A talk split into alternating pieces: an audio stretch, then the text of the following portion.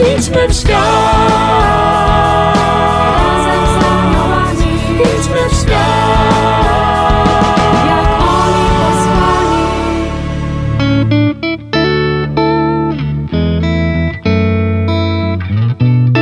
Kim są aniołowie?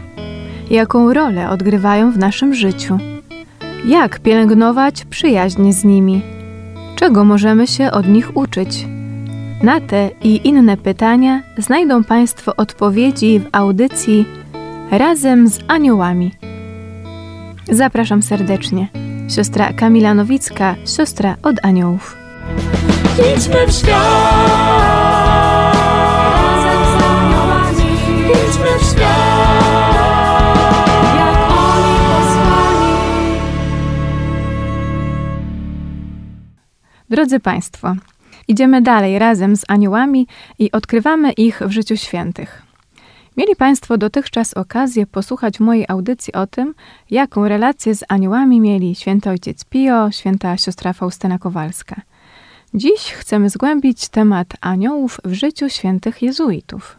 Do zgłębiania tego tematu zaprosiłam ojca Grzegorza Gintera, jezuitę, posługującego obecnie przy sanktuarium Matki Bożej Trybunalskiej w Piotrkowie Trybunalskim. Szczęść Boże! Szczęść Boże, witam serdecznie. Tak jak wspomniałam, będziemy mówić o aniołach w życiu świętych jezuitów i zaczniemy od samego założyciela Towarzystwa Jezusowego, świętego Ignacego Loyoli. Zatem zanim przejdziemy do tematu interesującego nas najbardziej w tej audycji, powiedzmy kilka słów o samym Ignacym, żeby przybliżyć jego postać słuchaczom. Dosłownie tak kilka najważniejszych zdań. Święty Ignacy urodził się pod koniec XV wieku i był człowiekiem, to co można powiedzieć, najbardziej wielkich pragnień. I te pragnienia go doprowadziły do tego, że chce żyć blisko Pana Boga. Najpierw chciał iść na pielgrzymkę do Ziemi Świętej. To się jakoś nie udało, więc spędził taki ważny czas w swoim życiu w grocie w Manrezie. To jest niedaleko Barcelony. I tam doświadczył swoistych rekolekcji. Mm, Pan Bóg go prowadził przez parę miesięcy i potem chciał się tym dzielić. W czasie tego doświadczenia, tych paru miesięcy, on tam właśnie jakoś spotykał się z Panem Bogiem bardzo głęboko, bardzo mocno, ale też właśnie z jego aniołami, bo to jest nasz temat, ze świętymi. I to jest, myślę, to, co napisał wtedy, książeczkę ćwiczeń duchowych, które redagował jeszcze przez wiele lat potem. One są i początkiem Towarzystwa Jezusowego, zakonu, ale też fundamentem jego życia duchowego. I o tym, że święty Ignacy darzył czcią świętych aniołów, dowiadujemy się przede wszystkim e, z ćwiczeń duchownych, które ułożył, z których zresztą najbardziej jest znany. Zachęcał on na przykład do rozważania na modlitwie, także tych wydarzeń z życia Jezusa, w których ważną rolę odgrywali aniołowie. Odnosił się chociażby do sceny zwiastowania, w której jest obecny anioł Gabriel, do chwili strachu, jaką Jezus przeżywał w ogrójcu w obecności anioła. Czy możemy się odnieść jakoś do tych scen, które proponował święty Ignacy właśnie w ćwiczeniach duchownych? Tak, on jakby za dużo o tych aniołach tam nie mówi wprost. One nie są w centrum. Nie są zupełnie w centrum. Są takie dwa, trzy ćwiczenia, jeśli dobrze pamiętam, w których zaprasza rekolektanta, żeby stawił się przed e, tronem Pana Boga w jego obecności, właśnie z Maryją, ze świętymi i z aniołami, którzy razem jakby wstawiają się za nim. Którzy za tym człowiekiem, który się modli, wstawiają się u Pana Boga. To są takie wyjątkowe sceny, więc bez wątpienia ma on kult aniołów i jest e, w jakiejś zażyłości z aniołami, stawia ich w tym wszystkim, ale szczególnie to widzimy w regułach rozeznawania duchowego, gdzie wprost mówi o aniele dobrym, czy aniołach dobrych i o aniołach złych. I oczywiście o Panu Bogu w tym wszystkim. Święty Ignacy, no, szczególnie w scenie zwiastowania, która dla niego nie jest wprost sceną zwiastowania, to jest kontemplacja o wcieleniu, i on daje dużo szerszy obraz niż tylko samo zwiastowanie, ponieważ pokazuje Trójcę Świętą, która w niebie deliberuje nad tym, co zrobić z tym światem, który jest taki grzeszny i słaby, i dopiero w trzeciej odsłonie zaprasza do tego, żeby spojrzeć na ten kawałek ziemi, jakim jest Nazaret, na anioła, którego posyła i który rozmawia z Maryją. Ten anioł jest w ostatnim jakby takim momencie posłany, a wcześniej pokazuje całą szerszą perspektywę samego wcielenia, jakby zaprasza do tego, żeby stanąć przy Panu Bogu i posłuchać tego, co On mówi. Anioł jest posłańcem, który tylko idzie zwiastować Maryi to, co Bóg w sobie, w Trójcy Świętej, e, jakby zamyślił dla ratowania świata. Wspomniałeś wcześniej, że ważną rolę święty Ignacy przypisywał aniołom w kontekście rozeznawania duchowego. I tutaj już święty Ignacy odnosił się do tego, jak działają duch dobry i duch zły. Tak, to jakoś jest e, szczególnie u niego i jakoś e, jest to spójne z tym, o czym mówili ojcowie pustyni, ojcowie wczesnego kościoła, ale on to bardzo systematyzuje, tą naukę rozeznawania duchowego albo rozeznawania duchów, właśnie duchów dobrych i duchów złych. Jakoś szczególnie pokazuje, chce człowieka uczyć mm, taktyki dobrego ducha i taktyki złego ducha. I jakkolwiek to są byty osobowe, to znaczy, że trudno przewidzieć pewne rzeczy, tak, jak się zachowają, tak jak osoby są też wolne, ale tę swoją naukę zawarł w czymś, co nazwał regułami, to znaczy, że jednak pewne reguły, pewne zasady rządzą tym światem duchowym. I on jakoś w tym swoim doświadczeniu w Manrezie, w tych swoich rekolekcjach, odkrywał to, jakby Pan Bóg mu to pozwalał doświadczyć, tak, pokazywał mu to, w jaki sposób działa duch dobry, w jaki sposób działa duch zły, jak on może się nauczyć tego rozpoznawać, rozróżniać, po to, żeby iść za tym, co dobre, a unikać tego, co złe. I to jakoś bardzo szczególnie się na tym skupił, więc aniołowie, i te dobre, i te złe anioły są właśnie e, szczególnie obecne w tych regułach. I jak właśnie święty Ignacy opisywał działanie tych duchów, ducha dobrego i ducha złego? Jak my możemy się nauczyć też tak jak on rozeznawać, słuchając tych duchów? Przede wszystkim daje taką wskazówkę, że są w nas trzy rodzaje myśli albo trzy rodzaje takich impulsów wewnętrznych, poruszeń, i że jeden ten impuls to jest nasz własny, to są nasze własne myśli pochodzące z naszej wolnej woli, a dwa pochodzą z zewnątrz. I on je wprost nazywa. Są z zewnątrz, czyli te, które pochodzą od dobrego ducha, i te, które pochodzą od złego ducha. On tego nie udowadnia, to znaczy dla niego to jest jak aksjomat. To tak jest, po prostu. Oczywiste. I on to tak, i on uczył się tego przez własne doświadczenie. Nie miał jakiejś wlanej wiedzy, tylko przez własne doświadczenie, tego co doświadczył w Manrezie, ale też i potem. Nasłuchiwania różnych głosów w sobie, byśmy tak powiedzieli, poruszeń, impulsów, odczuć, których uczył się i nazywać, i uczył się je interpretować. I na tym polega rozeznawanie duchowe, że ja coś odczuwam, coś słyszę.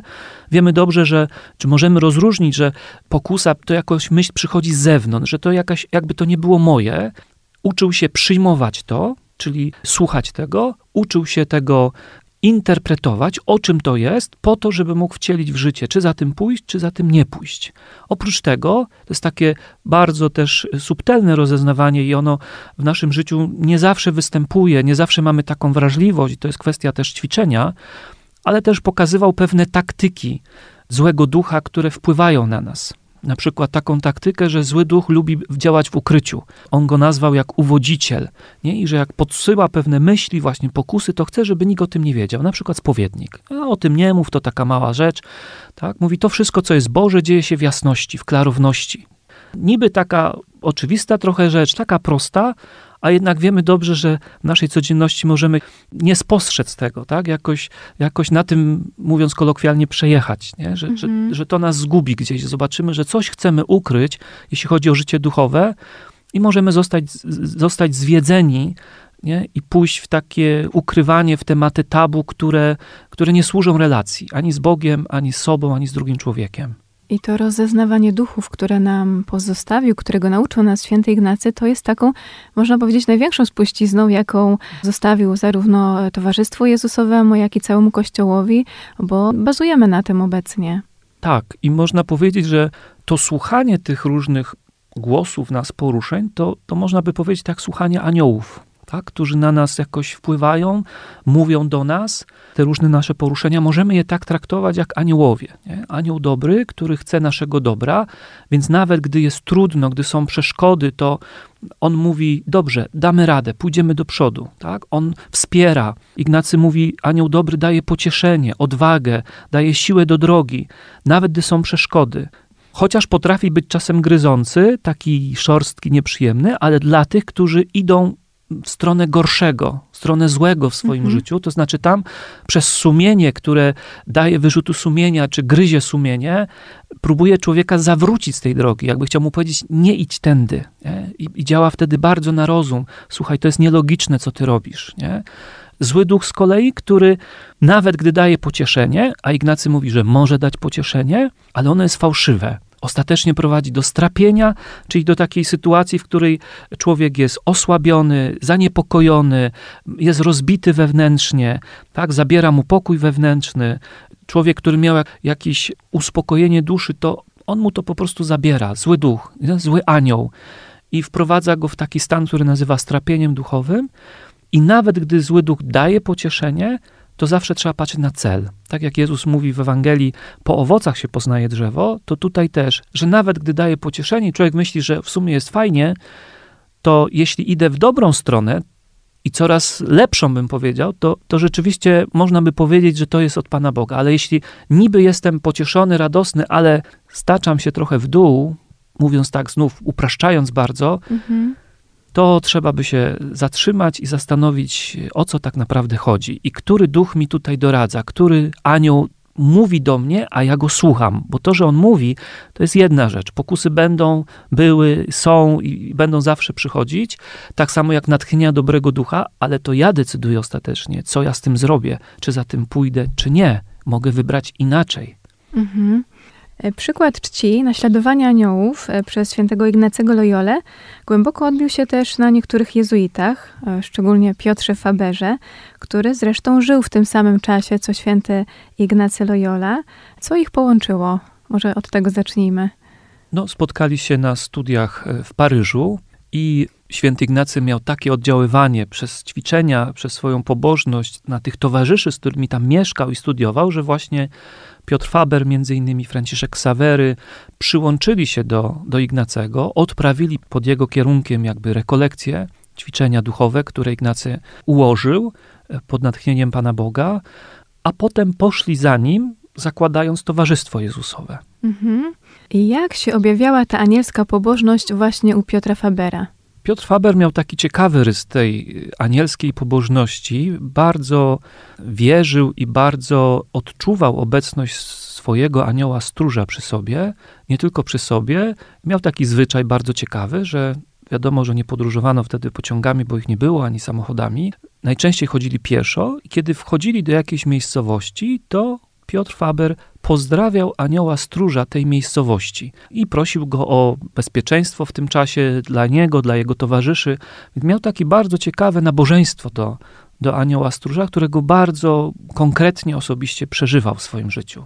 E, Można powiedzieć, że tak bardzo zauważał tych wszystkich aniołów, których po drodze mijał po prostu. Tak, wierzył, że każda miejscowość, każdy jakiś region, nie tylko poszczególni ludzie mają swojego anioła stróża, kogoś, kto, kto strzeże, kto opiekuje się, kto troszczy się o to miejsce i o tych ludzi, więc pozdrawiał każdego z nich. Mhm.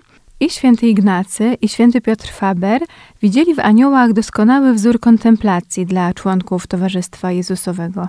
Co to znaczy? Jak my możemy naśladować aniołów i być kontemplatywni w działaniu? Tak, to jest taki rys duchowości ignacjańskiej, być kontemplatywnym w działaniu. To jest o przeplataniu się tego, co duchowe, z tym, co, co mamy do zrobienia tutaj na ziemi. Tak bym powiedział w skrócie.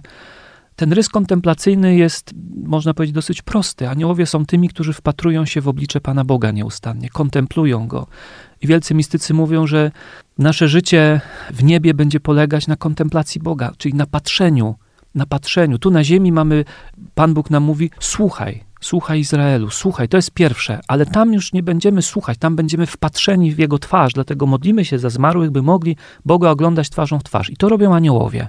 Ale my tu na ziemi wiemy dobrze, mamy trochę taki przechył w stronę działania, w stronę aktywności. I to jest nasza rzecz do zrobienia, to jest nasza dziedzina, tak? My mamy działać, troszczyć się też o ziemię, przekształcać ziemię. Trochę na wzór aniołów mamy strzec tego, co Pan Bóg nam dał. I choć w Biblii słyszymy o tym, że ziemia jest nam poddana, to też inne tłumaczenia, zwłaszcza greckie, mówią o opiekowaniu się ziemią, troszczeniu się o ziemię, tak jak to robią aniołowie w stosunku do nas na przykład. Więc my trochę jesteśmy takimi aniołami dla ziemi, dla stworzeń tutaj. I bycie kontemplatywnym w działaniu, to jest to, że ja robiąc swoje nie przestaję wpatrywać się w oblicze Pana Boga.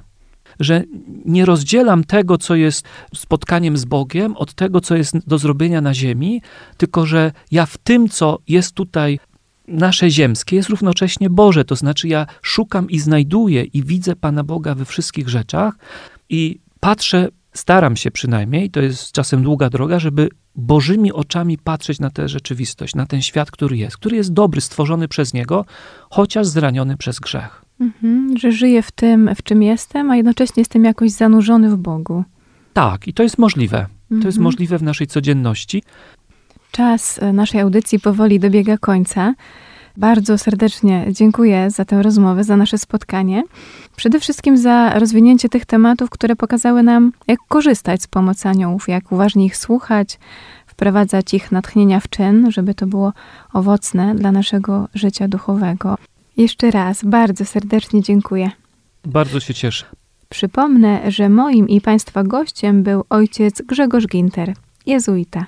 A Państwu dziękuję za uwagę i do usłyszenia w kolejnej audycji. Szczęść Boże! Szczęść Boże, dziękuję bardzo. Razem z aniołami. W Radiu Jasna Góra w niedzielę o godzinie 17.15. Idźmy w świat, idźmy